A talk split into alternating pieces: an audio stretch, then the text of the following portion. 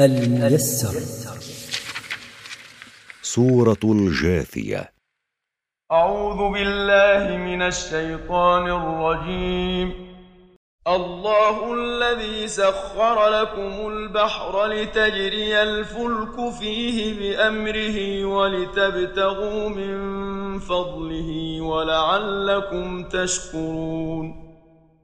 الله وحده هو الذي سخر لكم أيها الناس البحر لتجري السفن فيه بأمره ولتطلبوا من فضله بأنواع المكاسب المباحة ولعلكم تشكرون نعمة الله عليكم. وسخر لكم ما في السماوات وما في الأرض جميعا منه إن في ذلك لآيات لقوم يتفكرون. وسخر لكم سبحانه ما في السماوات من شمس وقمر ونجوم وما في الأرض من أنهار وأشجار وجبال وغيرها. إن في تسخير ذلك لكم لدلائل على قدرة الله ووحدانيته لقوم يتفكرون في آياته فيعتبرون بها. قل للذين آمنوا يغفروا للذين لا يرجون أيام الله ليجزي قوما بما كانوا يكسبون قل ايها الرسول للذين امنوا بالله وصدقوا رسوله تجاوزوا عمن اساء اليكم من الكفار الذين لا يرجون ثواب الله ولا يخافون عقابه فإن الله سيجزي كلا من المؤمنين الصابرين والكفار المعتدين بما كانوا يكسبون من الأعمال في الدنيا.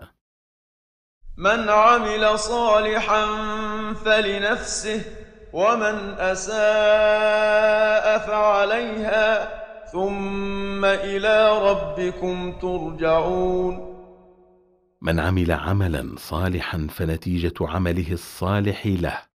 والله غني عن عمله ومن أساء عمله فنتيجة عمله السيء عقابه عليه. والله لا تضره إساءته. ثم إلينا وحدنا ترجعون في الآخرة لنجازي كلا بما يستحقه. ولقد آتينا بني إسرائيل الكتاب والحكم والنبوة ورزقناهم ورزقناهم من الطيبات وفضلناهم على العالمين.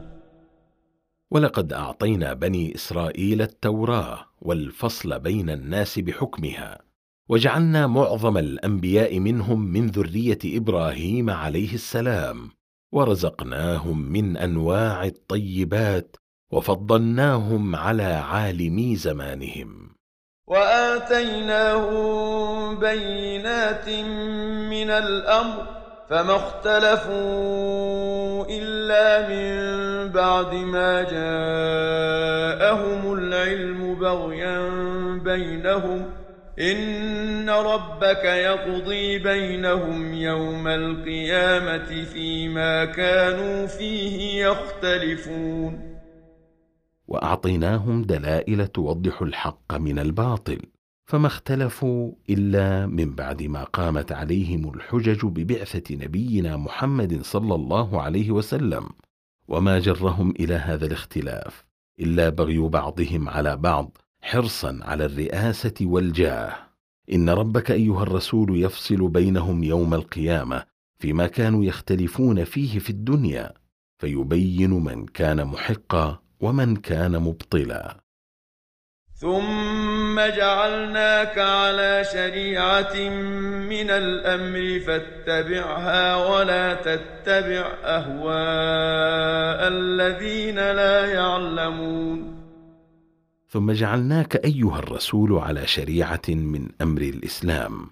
تدعو إلى الإيمان والعمل الصالح. فاتبع هذه الشريعة ولا تتبع أهواء الذين لا يعلمون الحق فأهواؤهم مضلة عن الحق.